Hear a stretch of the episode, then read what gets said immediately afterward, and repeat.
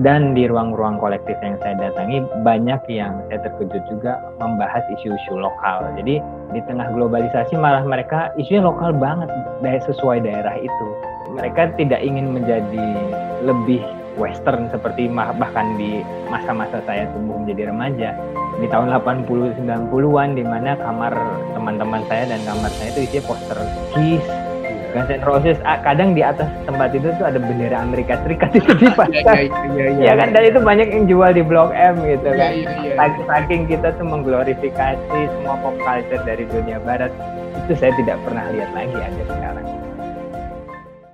Halo, ketemu lagi dengan saya Wahyu Aji di podcast Setengah Isi. Hari ini kita akan berbincang-bincang dengan sosok yang fokus sekali untuk meneliti generasi muda di Indonesia melalui dua bukunya saya belajar banyak tentang anak-anak muda di Indonesia, apa bedanya anak-anak muda kita dengan anak-anak muda di bangsa-bangsa yang lainnya.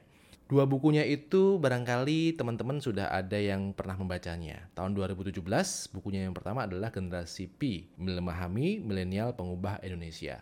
Dan bukunya yang kedua adalah Generasi Kembali ke Akar, Upaya Generasi Muda Meneruskan Imajinasi Indonesia, yang terbit tahun 2019. Melalui dua bukunya ini saya jadi paham dan sadar bahwa ternyata istilah yang selama ini kita pakai misalkan milenial, generasi Z, baby boomers, generasi X barangkali tidak langsung tepat untuk kita pakai di Indonesia. Karena menurutnya bahwa pembagian generasi itu sebenarnya di masing-masing negara atau dalam hal ini istilah-istilah tadi itu berasal dari western atau Amerika itu berasal karena patahan-patahan sejarah. Titik-titik kritis yang memang menjadi pengubah siklus antar generasi. Dan tentu saja siklus generasi atau patahan-patahan momentum di Amerika dan di Indonesia itu berbeda. Itulah kenapa dia menyebutkan kalau kita membabakkan generasi milenial, generasi Z berdasarkan tahun-tahun lahir yang selama ini kita kenal, itu seperti halnya kita mendefinisikan generasi muda ala zodiak jadi kalau misalnya lahir tahun 80 sampai 94 itu adalah milenial. Nah, tanpa berpanjang-panjang, kita langsung berkenalan dengan satu sosok yaitu Muhammad Faisal. Mas Faisal, barangkali udah banyak teman-teman yang mengenal Mas Faisal atau ada juga yang baru mendengar. Walaupun tadi saya udah jelaskan setingkat siapa Mas Faisal, tapi boleh dong Mas Faisal mengenalkan diri sendiri dulu. Uh, siapa sih, apa backgroundnya dan ngapain aja saat ini? Silakan, okay. Baik, nama saya Muhammad Faisal. Uh, usia, usia tidak perlu diceritakan ya, Mas Haji. Berarti. Udah banyak di Google. Kelahiran 81 kan? uh, jadi uh, ya pekerjaan saya adalah saya seorang periset, periset dan akademisi juga mengajar di beberapa universitas. Uh, saya punya biro riset uh, bernama Youth Laboratory Indonesia yang saya dirikan tahun 2009 hmm. yang fokus meneliti anak muda. Uh, dan itu saya dirikan karena dulunya saya sempat bergelut juga di dunia penelitian sosial politik, tapi fokus di politik ya. Ya meneliti tentang voting behavior, ya survei politik sebagaimana yang sekarang orang banyak mengenal dan beberapa hari terakhir ini kan pasti melihat di televisi hasil-hasil uh, survei untuk pilkada ya pekerjaan itu yang sebetulnya saya geluti namun saya akhirnya memilih untuk uh, keluar dan mencoba sesuatu yang ada ada ruang-ruang kreatifnya di dalamnya ya. saya memilih akhirnya untuk meneliti dunia anak muda hmm. gitu jadi uh, buku tadi yang Mas Aji ceritakan itu hasil catatan-catatan riset saya sebetulnya sejak 2009 yang saya tuangkan dalam bentuk buku. Nah, kegiatan saya sekarang selain mengajar online ya kalau di tengah uh, pandemi COVID-19 adalah saya mulai uh, berkebun uh, dan uh, makan dari hasil kebun jadi plant based. Hmm. Dan uh, ya itu saja sih. Ya banyak melakukan kegiatan-kegiatan di rumah dari mulai uh, membersih-bersih rumah household gitu ya hmm. dan betulin sendiri apa yang rusak di rumah itu aja. ya iya. Itu sebelumnya belum pernah dilakukan atau memang sudah dari dulu itu banyak di rumah? Dulunya ya kalau sebelum Covid saya lebih banyak uh, ya di rumah cukup sering karena memang saya memilih untuk uh, berkantor di rumah. Jadi Youth hmm. Lab memang uh, base campnya di rumah saya. Uh, hmm. Karena saya ingin lebih dekat dengan anak saya dan juga dengan istri juga. Hmm. Uh, tapi ada saya banyak melakukan perjalanan keluar kota biasanya ya untuk selain untuk riset juga ada ada forum-forum, ada seminar yang saya hadiri di beberapa tahun terakhir terutama setelah setelah terbit buku gitu. Jadi karena sekarang uh, saya memilih untuk uh, melakukan lebih banyak webinar aja secara online.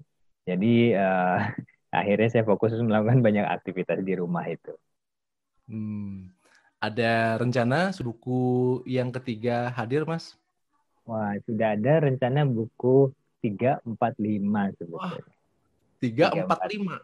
Iya, tiga empat lima. Satu sudah berjalan uh, risetnya, yang satu lagi sebetulnya sudah sekitar 70% bahkan di awal tahun. Hmm. Tapi karena ada peristiwa COVID ini dan tentunya apa yang saya tulis harus saya revisi lagi, saya kaji lagi karena banyak perubahan kan setelah COVID. Semua tentang anak muda. Semua konteksnya keterkaitannya dengan anak muda, namun uh, lebih spesifik. Ada yang satu lebih ke bicara pola asuh, Hmm. Ada yang satu lagi lebih berbicara tentang karir, yang satu lagi lebih berbicara tentang lingkungan hidup.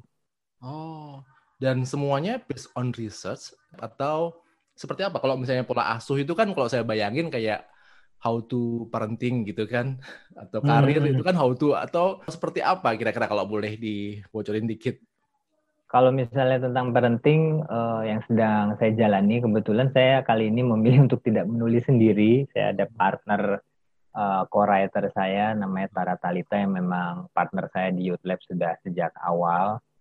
Uh, jadi paham betul uh, bagaimana meriset anak muda dan bagaimana melakukan kajian-kajian tentang perilaku anak muda. Jadi yang kita lakukan beberapa udah dua bulan berjalan ini adalah berbincang dengan orang-orang para sepuh. Para sepuh. Jadi para para sepuh ya. Jadi ke ada sempat bareng Dokter Rusdi Hussein ya sejarawan. Kemarin juga sama Romo Beni.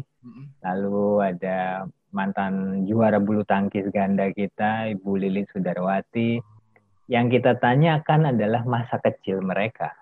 Oh, oh, menarik. Berarti nah, merasa mereka ketika dalam pengasuhan orang tuanya gitu ya? Betul sekali, karena ketika bicara bahkan sekarang kan istilah pola asuh sudah seakan-akan dalam diskursus lah dalam bahasa sehari-hari itu disebutnya parenting karena kita berkiblat sekali kepada cara parenting dari Western. Kalau kita bicara Western itu sebetulnya kita bicara Amerika Serikat sih. Ya.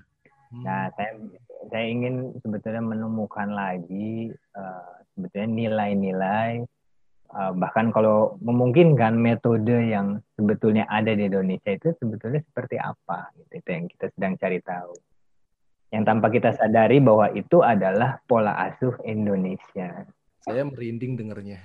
Bukan hanya karena saya orang tua, tapi memang saya juga meyakini nilai-nilai Indonesia itu sebenarnya banyak yang bisa digali gitu. Tapi uh, sering kali kita lebih terkesima dengan nilai-nilai yang relatif instan dan populer untuk kita kunyah. Betul, betul. Itu itu yang kita sedang sedang telusuri dan sejauh ini sudah sudah banyak sekali uh, insight-insight yang sangat menarik yang kita dapat dan bahkan para narasumber kita ketika bercerita lagi tentang masa kecil mereka ada rasa haru, tiba-tiba ada yang ingin menangis yeah. dan mereka juga baru tersadar bahwa ada values-values itu yang mereka dapatkan gitu. Betul. Itu kalau saya bayangkan di bukunya generasi V ya, kalau boleh saya membayangkan apakah seperti itu Mas Faisal mencoba menjelaskannya bahwa sebenarnya ada periode yang berulang. Jangan-jangan pola asuh juga ada periode-periodenya berulang-ulang juga gitu.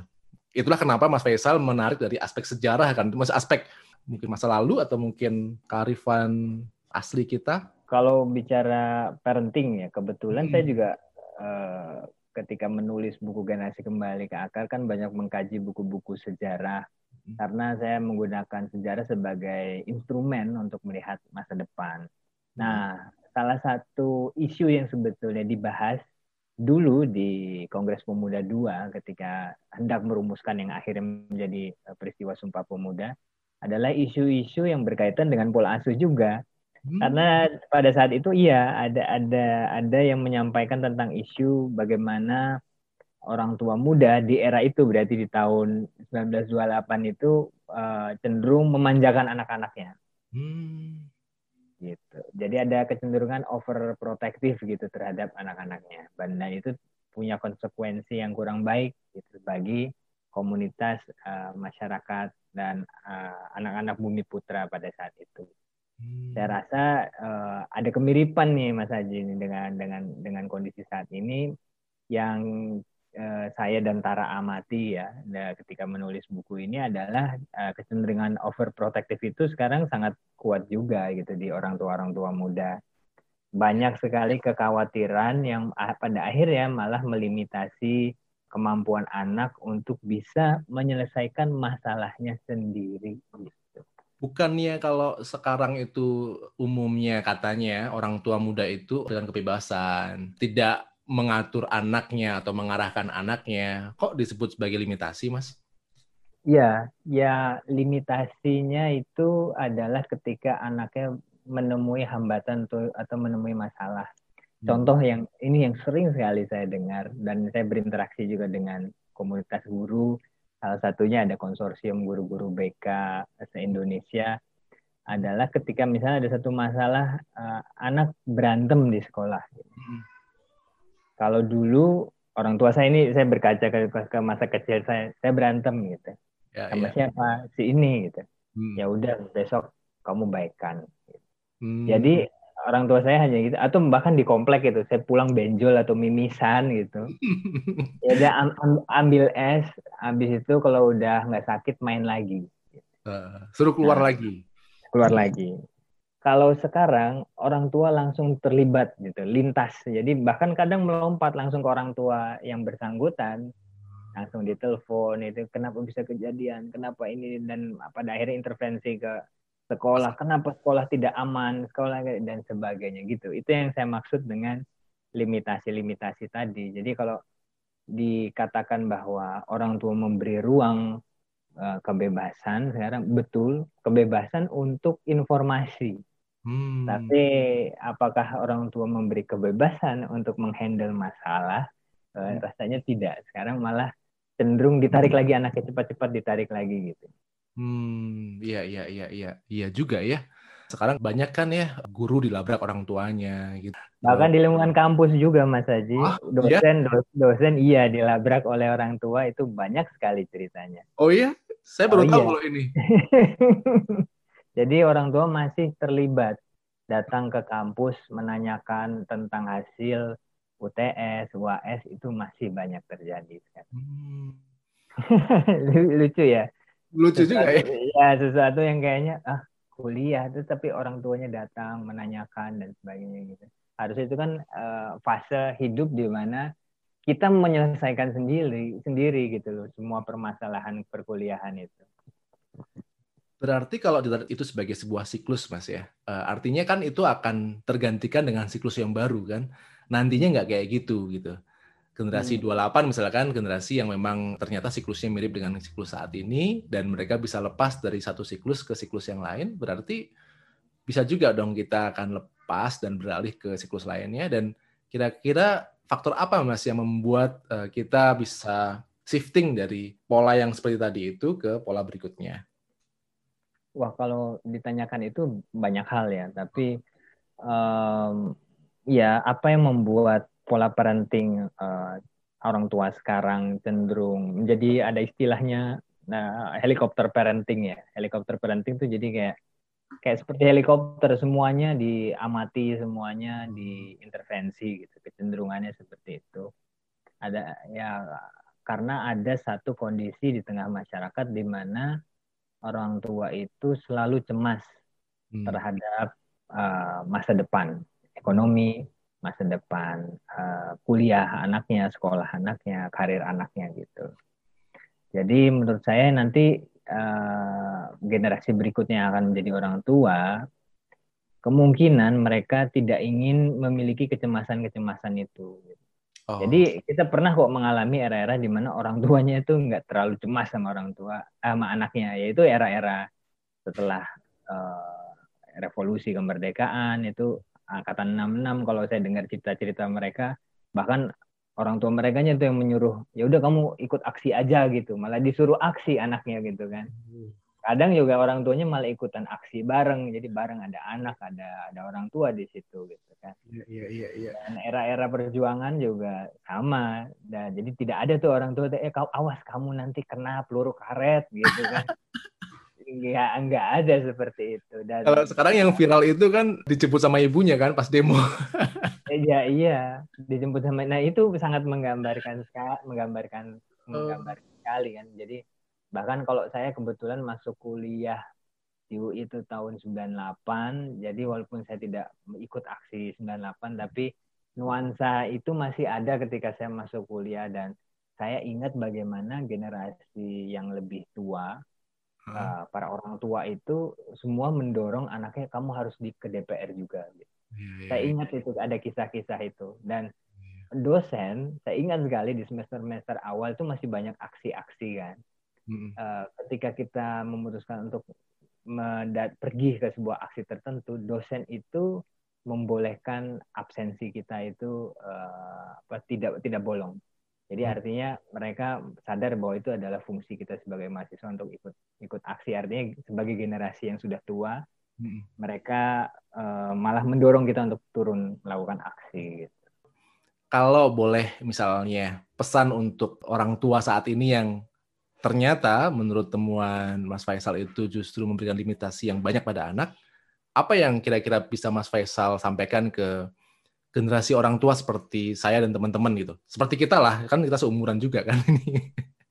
Ya, bahwa proses penemuan aku, aku itu kan berarti siapa saya, benar. itu hanya bisa dilalui seorang anak muda dengan dengan menghadapi masalah dia sendiri. Gitu. Hmm. Jadi tidak bisa dengan uh, kalau sekarang kecenderungannya orang tua uh, mensimulasi di lingkungan-lingkungan yang dia tahu persis ada variabel-variabel yang dia bisa kendalikan gitu kan. Misalnya? Misalnya uh, bahwa dia bisa dijemput di titik A itu di drop di titik B gitu misalnya. Oh, itu iya. sederhana itu sih ya kan.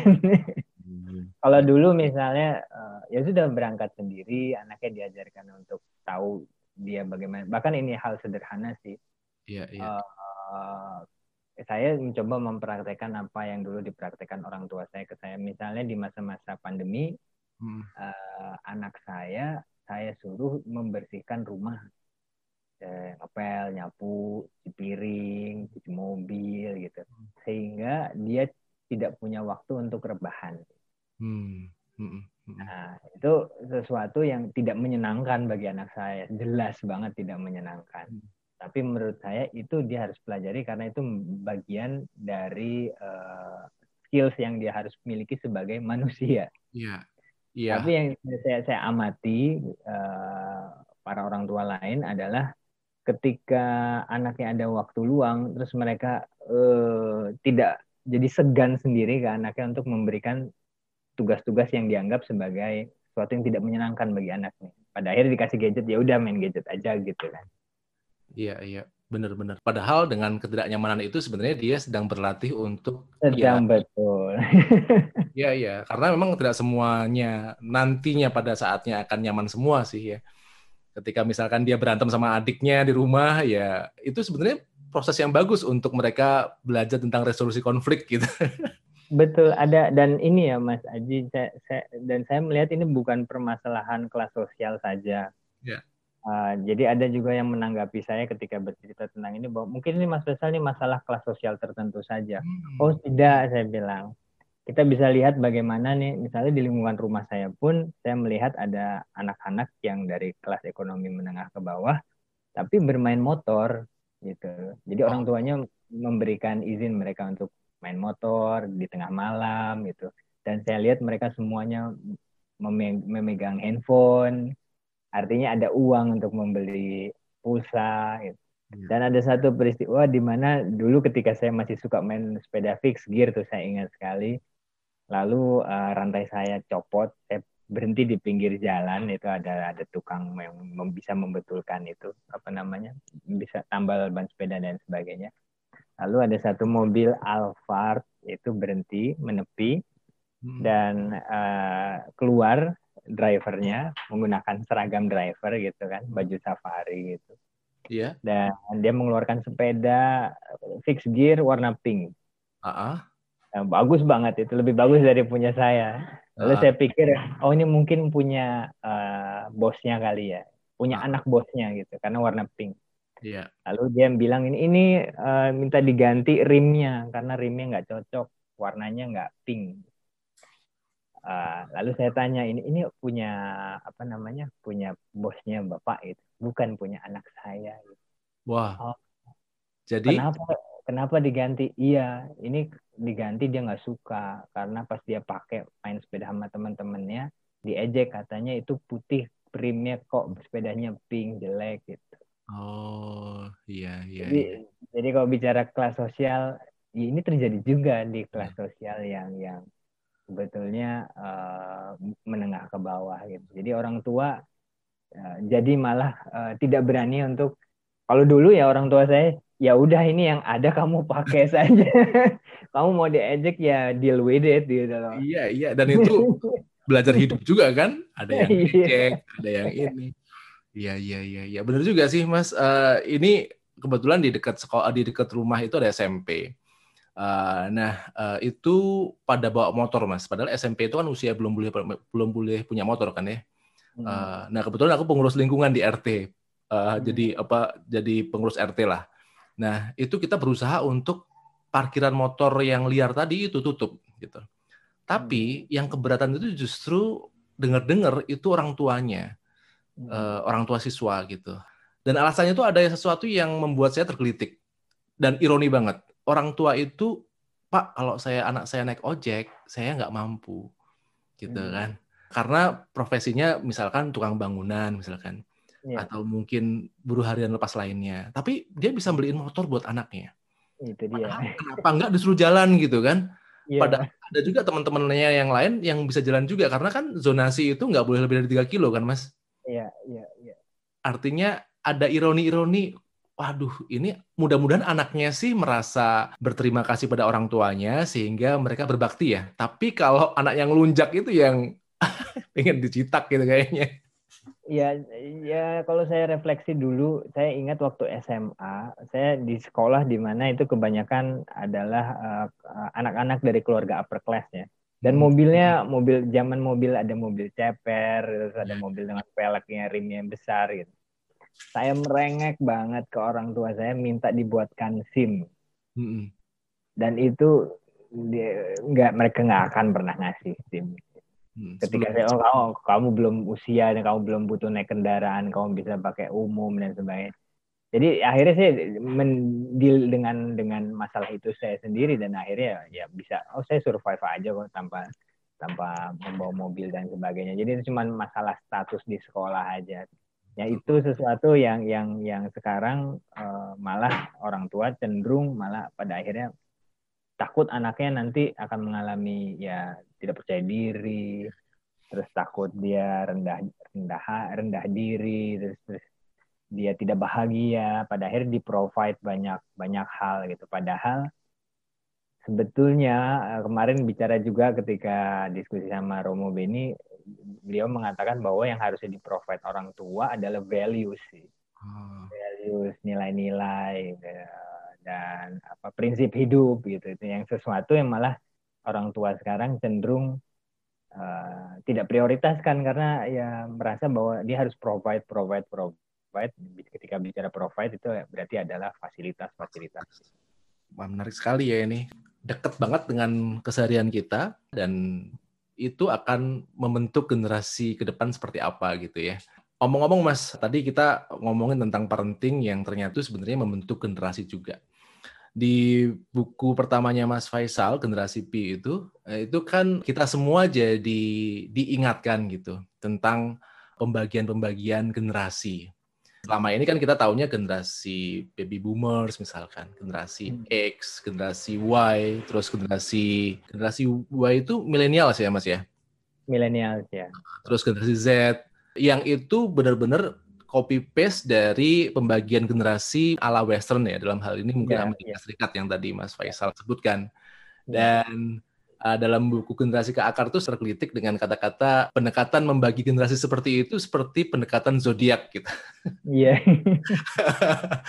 Dan Mas Faisal mencoba membabakan sendiri menjadi generasi alpha, beta, theta dan V gitu. Iya. Yeah. Kenapa terfikir tergelitik pertama kali seperti itu, Mas. Padahal itu kan sebenarnya teori yang sangat populer kan, common sense kita seperti itu gitu. Iya. Jadi uh, karena saya mulai meneliti anak muda tahun sejak tahun 2009 dan kebetulan tahun 2011 sampai 2012 itu saya tergabung konsorsium peneliti anak muda namanya Youth Research Partners. Hmm. Waktu itu inisiatornya adalah uh, Graham Brown dari Mobile Youth London. Walaupun pada 2012 konsorsium itu bubar ya. Tapi yeah. kita sempat mengalami masa-masa kita bertemu, saya sempat bertemu mereka juga di Malaysia, lalu saling sharing temuan lewat Skype setiap minggu. Dan saya menyadari bahwa istilah millennials itu adalah istilah dunia uh, marketing communication sebetulnya. Di hmm. saat itu, karena itu beberapa menggunakan istilah millennials pada saat itu Gen Y sudah mulai digunakan. Uh, dan ketika istilah itu mulai menjadi populer di Indonesia, saya ingat tahun 2014 ketika Mas Yoris Sebastian mengajak saya untuk menjadi peneliti di buku yang dia tulis Generasi Langgas. Hmm. Saya mulai tergelitik juga ini bahwa oh ini narasi milenial sudah mulai diadopsi banyak orang gitu karena sudah mulai di luar konteks marketing communication mulai dibicarakan di masalah leadership gitu kan udah mulai dibicarakan juga di politik dan mulai ada beberapa pejabat negara yang membicarakan dengan uh, istilah yang yang yang sama yaitu millennials dan Gen Y gitu. Dan ya. situ saya saya mulai mengamati awalnya dari pengamatan sih Mas, Mas Haji bahwa oh ini yang dibicarakan sebetulnya yang dibicarakan kawan-kawan saya di konsorsium itu gitu yang itu sebetulnya mereka adalah pengkaji generasi dunia barat gitu. Mm-hmm. Jadi uh, ini tidak sesuai dan tidak saya temukan sebetulnya di ketika saya melakukan etnografi di mm. beberapa kota selama sekian tahun. Gitu. Saya mulai merasa ada kegelisahan di di, di titik itu lalu uh, saya mulai kumpulkan lagi tuh semua catatan-catatan etnografi saya, riset saya, lalu saya buka lagi beberapa literatur tentang teori generasi dan menemukan buku-buku dari Nilahau dan William Strauss yang memang uh, melahirkan istilah milenial itu sendiri dan mereka juga menggunakan eh, fase-fase uh, sejarah Amerika itu sebagai pembagi generasi dan saya baru tersadar bahwa oh my god ini berarti kita salah membabak ini. Betul. Gitu. Karena sejarahnya berbeda ya. iya sejarahnya berbeda, berbeda gitu. Lalu ya saya mulai menarasikan tentang tentang pembabakan Indonesia itu di buku Generasi P. Lalu saya coba dalami lagi di buku Generasi Kembali ke Akar ketika saya lebih menaruh bobot yang besar dan waktu yang lebih banyak untuk membaca buku-buku sejarah itu. Hmm, jadi memang pembagian millennials, baby boomers, X itu sebenarnya nggak salah dalam konteks Amerika dan Betul. seharusnya dalam konteks negara-negara atau komunitas-komunitas besar seperti bangsa ini uh, juga menerapkan pembebakan itu gitu kan. Merefleksikan eh, kepembebakan versinya sendiri gitu ya Mas ya. Betul. Itu beda jauh nggak sih Mas? Misalkan generasi P, misalkan dibandingkan dengan millennials ala Amerika itu beda banget nggak sih sebenarnya? Oh beda. Jadi kayak misalnya, uh, aduh saya lupa. Uh, dulu ada anggota di konsorsium peneliti itu dari satu biro riset di Cina namanya China Youthology. Hmm. Saya lupa waktu itu eksekutif direkturnya siapa, seorang perempuan. Hmm. Tapi dia bercerita banyak hal tentang anak muda Cina yang itu sama sekali berbeda dengan dengan anak muda di Amerika Serikat. Dan memang titik titik critical momennya yang memisahkan generasi di Cina itu adalah ketika Cina memutuskan untuk melakukan uh, apa ekonomi klip itu jadi hmm. mereka mengadopsi model-model ekonomi kapitalistik itu di tahun 78 79 kalau tidak salah.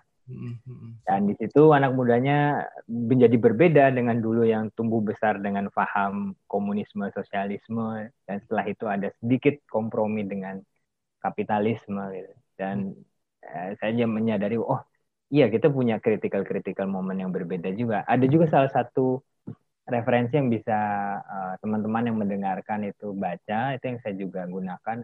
Judul bukunya adalah All Eyes Is itu bercerita tentang generasi muda di Cina. All eyes? All eyes is. Jadi All eyes. semua semua mata tertuju ke ke hmm. timur. Hmm. Jadi istilah yang digunakan untuk generasi Cina saat ini adalah jelly generation. Jadi mereka jelly. seperti oh. jelly, ya. Jadi mereka menikmati hasil kerja keras uh, yes. generasi terdahulu yang menikmati penderitaan hasil penderitaan, penderitaan dulu, ya. penderitaan dulu kelaparan ya lalu sampai revolusi apa agraria dan sebagainya jadi mereka kalau diminta untuk mengalami suffering yang sama belum tentu bisa makanya disebutnya jelly generation gitu. hmm. ya pada akhirnya ya saya juga berusaha melihat dengan perspektif yang sama dengan teman-teman dari China Youthology hmm. jadi bahwa kita juga punya eh, titik-titik uh, uh, perubahan generasi yang berbeda dengan Amerika Serikat. Iya, iya. Jadi kalau secara ringkasnya, Faisal itu membagi babakan adalah generasi Alpha itu 1900-an sampai 1930-an ya. Ya, uh, itu era uh, Bung Karno dan teman-teman gitu. Ya. Terus uh, generasi Beta adalah generasi 40 sampai 66. Itu mungkin ya. penandanya ya. siapa ya, Mas? Kalau generasi Beta ya, ya? angkatan Sohogi ya. Sohogi. Ya, Bung Bung Tomo ternyata juga lahir di periode yang sama. Bung Tomo itu bahkan kan di peristiwa ketika yang terkenal ya perang Surabaya. Yeah. Iya. Uh, dalam beberapa catatan sejarah, kalau saya tidak lupa ingat karena juga uh, saya harus membuka catatan ini ingatan saya selalu mengacu kepada catatan. Yeah. Iya. Uh, di situ sudah ada uh, semacam dikotomi bahwa Bung Bung Karno itu orang tua dan Bung Tomo itu anak muda di masa itu. Iya. Iya, iya. Jauh lah, beda usianya jauh kan. Bahkan pada saat Kongres Pemuda itu kalau usia rata-rata yang ikut belasan tahun, 18 sampai 22 tahun gitu. Betul. Uh, dan Bung Karno pada waktu itu udah dianggap senior ya. Iya, sudah dianggap senior. Bung Hatta, Bung, Kar Bung Karno yang udah berusia uh, sekitar 28 sampai 29 tahun itu udah ini. Terus generasi Theta itu 1970 sampai 98 ya. Generasi apa itu Mas? AADC kah? Generasi Theta itu adalah generasi uh, yang yang mengalami beberapa uh, proses perubahan yang tertunda kalau saya sebutnya. Jadi ada hmm. peristiwa aktivisme mahasiswa 74, 77, 78 gitu kan di ada peristiwa terbitnya buku putih dan ada upaya untuk me, me, mengglorifikasi lagi apa yang dilakukan para mahasiswa di tahun 66 tapi tidak terjadi sebagaimana uh, tidak sebesar seperti yang terjadi tahun 66 hmm. baru akhirnya kejadian tahun 98 hmm. jadi mereka ya mereka ya, critical momennya juga lagi-lagi datang dari dari anak muda iya iya terus 98 sampai 2004 ya generasi P ya mas ya? betul ya, ya. Omong-omong kalau uh, kan kita udah kadung ya milenial, milenial, milenial dan yang sering kali kita dengar dalam paparan apa pun sebenarnya bahkan paparan resmi misalkan oleh oleh pejabat pemerintah barangkali itu selalu kayaknya memang generasi milenial adalah generasi yang 80 sampai 94 ya biasanya kayak gitu kan hmm. generasi Z adalah setelahnya yang itu sebenarnya kalau kita lihat itu pembabakannya adalah pembabakan ala barat ya yeah. kalau menurut Mas Faisal ketika sebagian besar kita itu mengkategorikan generasi seperti itu, apa sih bahayanya, Mas? Ya, saya sebetulnya nggak mau juga menjadi seperti seorang polisi yang kayak, oh ini salah, ini benar ah. gitu kan. Dan nggak apa-apa juga menggunakan istilah milenial yang saya khawatirkan adalah ketika kita mengambil keputusan dan membuat kebijakan karena kita menggunakan konsep milenial, kita juga mengambil template yang diaplikasikan di dunia barat. Gitu. Hmm. Karena apa? Karena sebetulnya kayak dunia timur itu sedang berkembang. India gitu kan, China. Ya misalnya terutama saya mengamati China gitu. Mereka sekarang anak-anak muda sangat optimis terhadap masa depan Cina. Bahwa mereka yakin betul salah satu peradaban yang akan survive, yang akan menjadi kuat 10, 20, 30 tahun ke depan Cina. Tapi optimisme itu tidak berlandaskan kepada kebergantungan dunia barat, walaupun mereka mengaplikasikan itu di ekonomi mereka. Hmm. Tapi mereka banyak mengambil inspirasi dari peradaban Cina di era-era terdahulu. Nah, hmm. itu tergambarkan bagaimana ketika misalnya tahun 2015 mereka mencanangkan gerakan membangun seribu museum. Seribu museum, Mas Haji. Seribu museum. Seribu museum dengan fasilitas yang kita tahu kok China membuat sesuatu itu tidak main-main. Artinya mereka paham bahwa nanti anak muda akan menjadi leader di negara itu, tapi juga anak muda ini harus paham roots dari dari peradaban Cina itu seperti apa. Nah, saya sebetulnya berharap di kita ini ketika anak mudanya oke okay, sekarang semua bicara milenial kenapa? Karena semua akan menjadi leader. Oke, okay, tapi leader ini jangan kita mengambil narasinya dari dunia barat saja, tapi anak muda ini perlu tahu juga ke belakang rootsnya itu Indonesia seperti apa. Itu saja kekhawatiran saya. Sebetulnya masalah terminologi dan sebagainya itu sesuatu yang tidak terlalu mengganggu saya dan bebas-bebas saja menurut saya kalau ingin uh, menggunakan terminologi apa pun untuk anak muda Indonesia itu. Tapi kekhawatiran saya tadi itu Hmm, itulah kenapa root atau akar tadi itu uh, Mas Faisal tumpahkan dalam buku Kembali ke Akar ya, generasi Kembali ke Akar. Ah, saya jadi tahu runutannya kenapa kok jadi dari generasi P jadi kembali ke akar. Iya iya benar-benar benar juga. Omong-omong tentang museum memang saya setuju sekali sih Mas dan itu sering kali dilewatkan. Museum itu kan menjadi barang yang uh, di belakang, di pojok, kumuh gitu kan saya terkesan dengan satu kota yang menurut saya dia sangat concern dalam mengelola museum itu Purwakarta, Mas. Iya. Uh, saya sekitar dua tahun tiga tahun lalu ke sana dan pas waktu siangnya karena si Baduga itu air mancur itu malam kan tiap malam minggu siangnya saya udah nyampe sana sama anak dan istri saya dan di sana itu ternyata ada beberapa museum tiga hmm. atau empat museum yang saya pikir museumnya akan ya udahlah di kelas kabupaten gitu ya. Tapi itu luar biasa. Banyak fasilitas 3D, full AC, diorama, dan gratis. Ini hmm. yang penting. Misalnya ini Pak saya bandingkan misalkan tergantung kebijakan masing-masing kota atau pemerintah setempat ya. Uh, saya ke Cirebon misalkan, itu juga bagus museumnya, tapi mahal sehingga orang-orang itu untuk masuk juga mikir-mikir gitu uh, museum Kasepuhan itu kan itu bagus ya. Yang baru yang sudah ada AC-nya. Oh, uh, ya yang ada AC-nya ya. Itu kalau nggak salah masuknya tujuh puluh lima ribu kan harinya. Betul. Uh, orang-orang mau masuk ragu, akhirnya banyak yang nggak jadi gitu. Nah ini mungkin perlu diadopsi bahwa museum itu bukan cost center, tapi sebenarnya itu merupakan investasi ya. Kalau dengan logika Cina tadi itu. Mm -mm, betul. Cina sadar betul bahwa itu adalah investasi masa depan gitu. Karena uh, ya kita lihat bagaimana sekarang dunia barat gitu. Uh, Amerika Serikat dengan gejolak politiknya terutama setelah Donald Trump gitu. Dengan Eropa karena ada COVID dan mereka juga ada isu Brexit sebelumnya. Jadi ya. banyak pesimisme dari dunia barat sebetulnya Nah, dunia timur itu bisa lebih stabil karena ada kearifan-kearifan lama itu yang yang terus dipraktekkan di tengah masyarakat sih. Tapi kalau Mas Faisal melihat nih uh, di buku ini juga kan udah disebutkan kan, sebenarnya kalau dunia timur itu memang masih beruntung karena orang-orangnya masih memegang kearifan lokalnya, tapi kita juga sering kali melihat cemas sih ketika melihat generasi-generasi yang mulai tercerabut dari akarnya. Tapi kalau menurut pengamatan Mas Faisal sebagai peneliti anak muda, memangnya generasi saat ini sedang kembali ke akar ya, Mas? Kalau dari uh, apa ya, ada be beberapa indikator yang yang saya jadikan acuan antara lain adalah kolektivitas. Hmm. Jadi bahwa sebetulnya arus globalisasi itu uh, membuat anak muda kita itu lebih individual harusnya.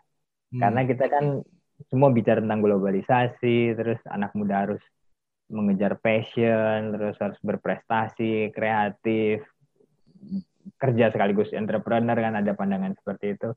Punya impact ke lingkungan. Gak ada waktu sebetulnya untuk kumpul-kumpul sama temen itu kalau dipraktekkan semua Hmm. Tapi nyatanya anak muda kita malah lebih banyak berkomunitas. Gitu. Itu indikator saya salah satunya bahwa makin banyak komunitas, makin banyak ruang kolektif. Dan di ruang-ruang kolektif yang saya datangi banyak yang saya terkejut juga membahas isu-isu lokal. Jadi hmm. uh, di tengah globalisasi malah mereka isunya lokal banget dari sesuai daerah itu. Hmm. Jadi mereka tidak ingin menjadi lebih western seperti bahkan di uh, masa-masa saya tumbuh menjadi remaja di tahun 80 90-an di mana kamar kamar teman-teman saya dan kamar saya itu isinya poster Kiss, yeah. Guns N' Roses. Kadang di atas di atas apa namanya tempat itu tuh ada bendera Amerika Serikat itu dipasang. Iya, iya, iya, iya, ya kan dan itu banyak yang jual di Blok M gitu kan. Yeah, yeah, yeah, Saking kita tuh mengglorifikasi semua pop culture dari dunia barat itu saya tidak pernah lihat lagi ada sekarang malah sekarang sangat lokal banget hero-heronya juga lokal banget band-band indie lokal atau ada uh, apa namanya toko-toko lokal gitu jadi dua indikator itu yang saya anggap sangat kuat mewakili bahwa anak muda kita punya kecenderungan lain dan sepertinya arahnya itu ya tadi mengambil inspirasi dari dari dari masa lalu. Ya, ya, ya. Walaupun mungkin ada proporsinya ya kali ya. Ada kelompok yang memang seperti itu, ada juga kelompok yang memang Betul.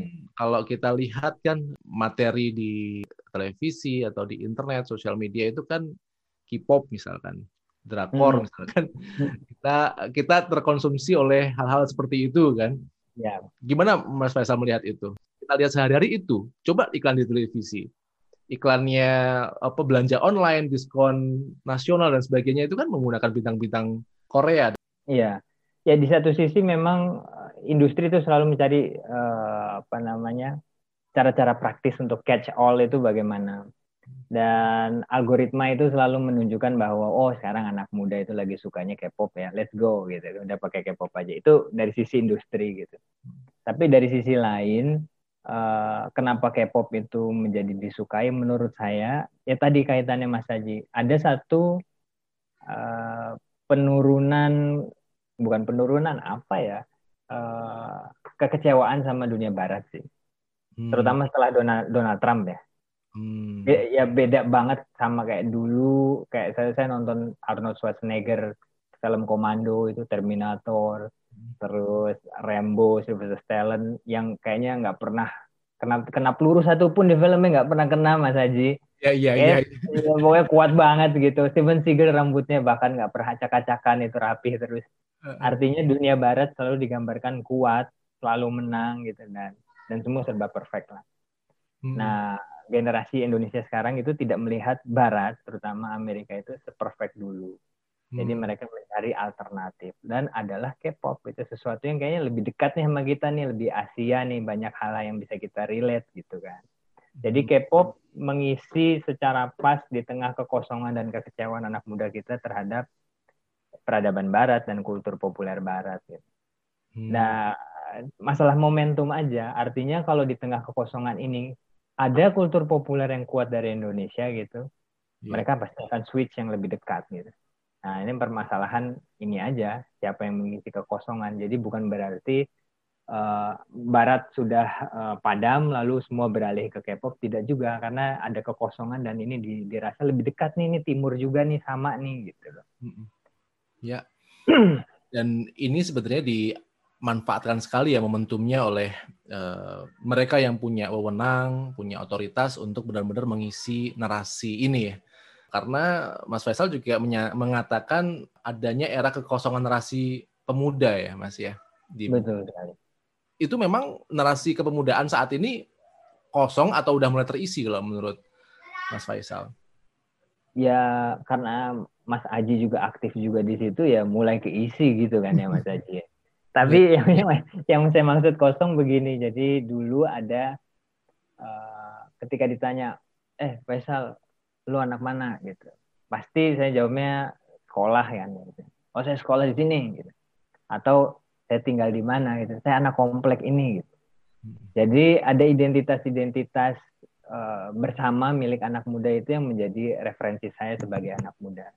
Hmm. Nah kalau Mas Haji sekarang nanya nggak satu anak muda, lo anak mana gitu, pasti bingung jawabnya tuh. Hmm. Kenapa? Karena karena tidak ada kayak misalnya oh saya anak menteng kok dulu gitu nggak ada basis uh, identitas itu Nah, kenapa itu tidak ada? Karena memang tidak ada media-media sekuat dulu yang di situ menjadi ruang identitas anak muda. Dulu ada majalah print ya, bicara yeah. print high gitu, ada Rolling Stone, gitu. Hmm. ada Aneka Yes, ada acara Planet Remaja gitu dan ada acara-acara bahkan kalau bicara tentang anak usia lebih uh, muda ada acara-acara keluarga ada keluarga cemara di mana anak-anak yang masih SD SMP nonton terus ya oh yeah. kasihan ya ini ya terus tapi dia bisa merelate bahwa oh kita sebagai anak Indonesia ini harusnya kayak begini sama orang tua gitu hmm. jadi itu yang sekarang kita tidak punya Mas Haji gitu. jadi kita harus isi lagi ruang-ruang itu karena memang itu dibutuhkan bagi generasi Iya, iya. Dan memang kita melihat sih banyak ya di tengah gelombang kekosongan yang diisi oleh barangkali budaya dari luar. Kita banyak sekali melihat teman-teman kita sedang bergerak secara organik untuk kembali mengangkat budaya Indonesia, sastra-sastra Indonesia. Memang kalau lihat di sosial media terjebak algoritma juga kan, yang populer, yang paling pernah kita klik maka itu yang sering kita ini. Tapi sekali kita menemukan sesuatu yang mutiara misalkan, saya dengar di podcast itu banyak sekali ternyata ada podcast yang membahas tentang sastra Indonesia, tentang novel-novel lama, tentang buku penulis Indonesia itu banyak. Tapi memang itu ketika saya nggak sengaja nemuin dan saya nyetel, akhirnya saya terpapar dengan itu dan akhirnya terbuka dengan komunitas yang lebih luas lagi dan mungkin barangkali kita perlulah apa lebih banyak konten-konten seperti itu sehingga memperbesar peluang untuk bisa diakses gitu ya sama hmm. anak-anak muda sehingga algoritmanya juga algoritma seperti itulah yang nanti memapar gitu. Di buku Mas Faisal juga mengatakan bahwa narasi milenial, narasi anak muda sering kali dijadikan gimmick Ya memang ya. karena sekarang anak muda juga sangat banyak, eh, pasar yang sangat gemuk juga. Seringkali dijadikan slogan-slogan bahwa kita harus dengan anak muda dan sebagainya. Tapi ternyata kenyataannya hubungan antara orang tua dan anak muda itu sering kali bertolak belakang. Hmm. Yang tua merasa bingung dengan fenomena anak muda, yang muda merasa gemes dengan anak orang tua gitu. Artinya gimana ya tuh kondisi ini mas? Karena kita sering kali mendengar slogan-slogan uh, millennials uh, atau ajakan millennials, tapi justru itu nggak ngefek ke anak muda gitu. Sebenarnya apa yang kurang?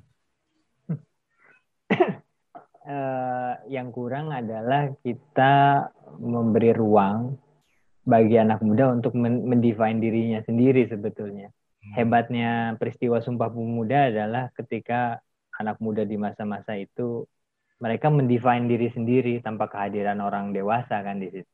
Hmm. Tanpa kehadiran uh, sepuh-sepuh ataupun tokoh yang berkuasa, mereka define aja bahwa kita tuh pemuda, posisi kita di masyarakat seperti ini dan ini narasi kita gitu. Narasi kita adalah narasi kebersamaan, kesatuan gitu kan. Nah, yang kita butuhkan adalah uh, peristiwa-peristiwa uh, seperti itu. Memang uh, butuh sedikit push mungkin dari kanan kiri gitu. Tapi kita tidak perlu tidak tidak menurut saya tidak boleh terlalu malah mendikte dan mengarahkan. Gitu.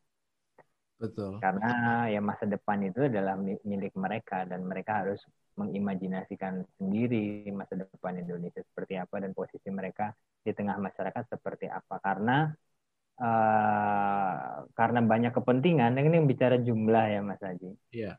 Bonus demografi itu bicara jumlah tentu jumlah ini ya nanti kait mengaitnya dengan dengan pasar, dengan jumlah profit dan sebagainya gitu kan. Jadi uh, kita mungkin ya bagi yang generasi senior atau pemangku kebijakan harus bisa sedikit nomor dua nomor tiga kan aspek uh, hitung-hitungan ekonomi ya dan lebih uh, mengutamakan yang dulu dikatakan oleh Bung Karno mungkin belum sempat kejadian juga secara sempurna yaitu national character building gitu. Hmm. Kita harus punya identitas dan budaya nasional gitu. National culture kita apa sih gitu.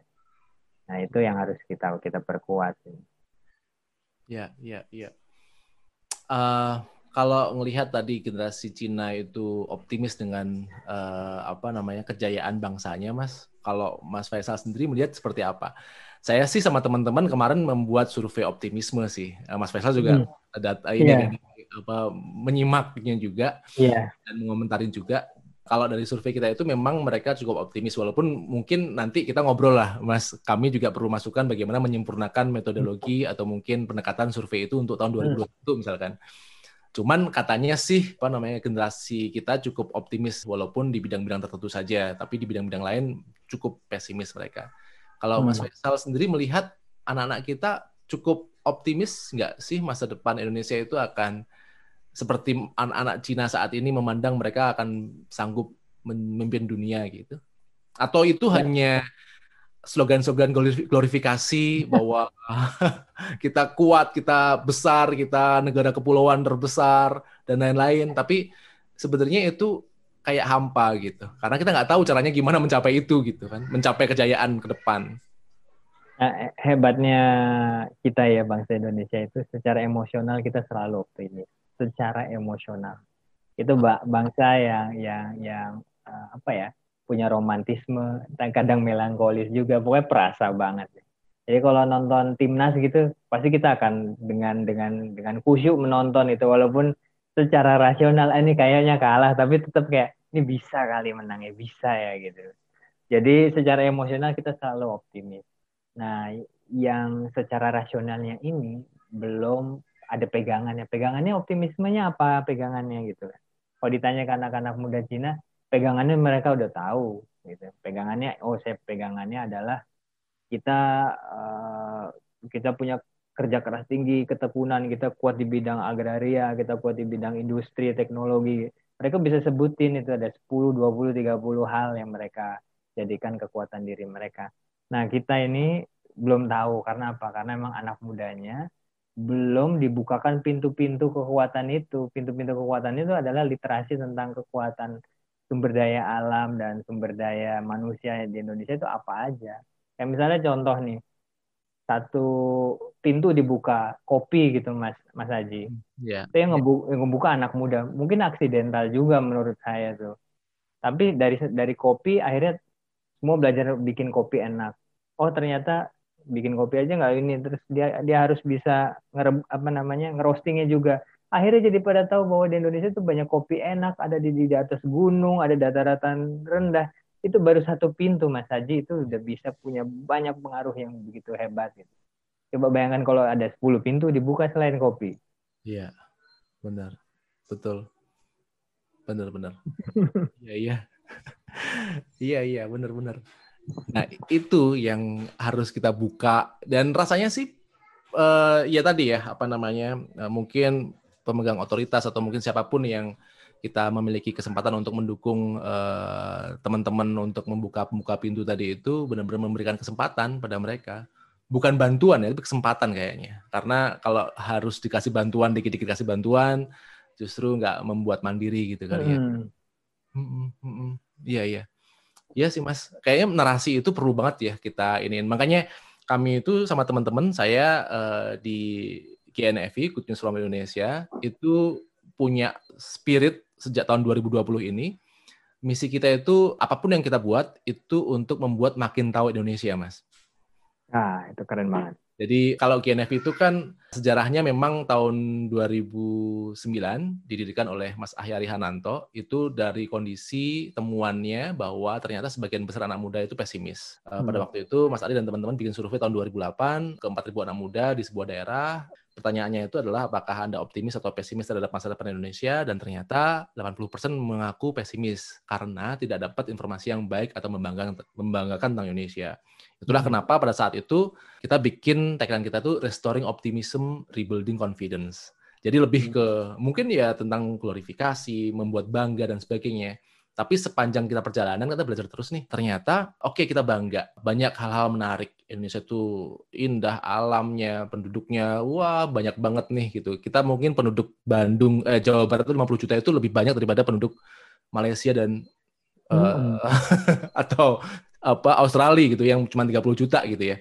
Kali banyak banget lah. Nah, tapi tadi kita khawatir oh kalau misalnya orang cuma di cekokin dengan glorifikasi saja kayaknya itu akan menjadi uh, tadi orang akan terkesima romantisme tapi dia nggak tahu bagaimana caranya untuk memanfaatkan semua potensi itu. Itulah kenapa kita akhirnya oke okay, kita restoring optimism udah tapi rebuilding confidence itu harus dengan pengetahuan. Itulah kenapa kita pengen makin tahu Indonesia Kayaknya cocok banget tuh mas.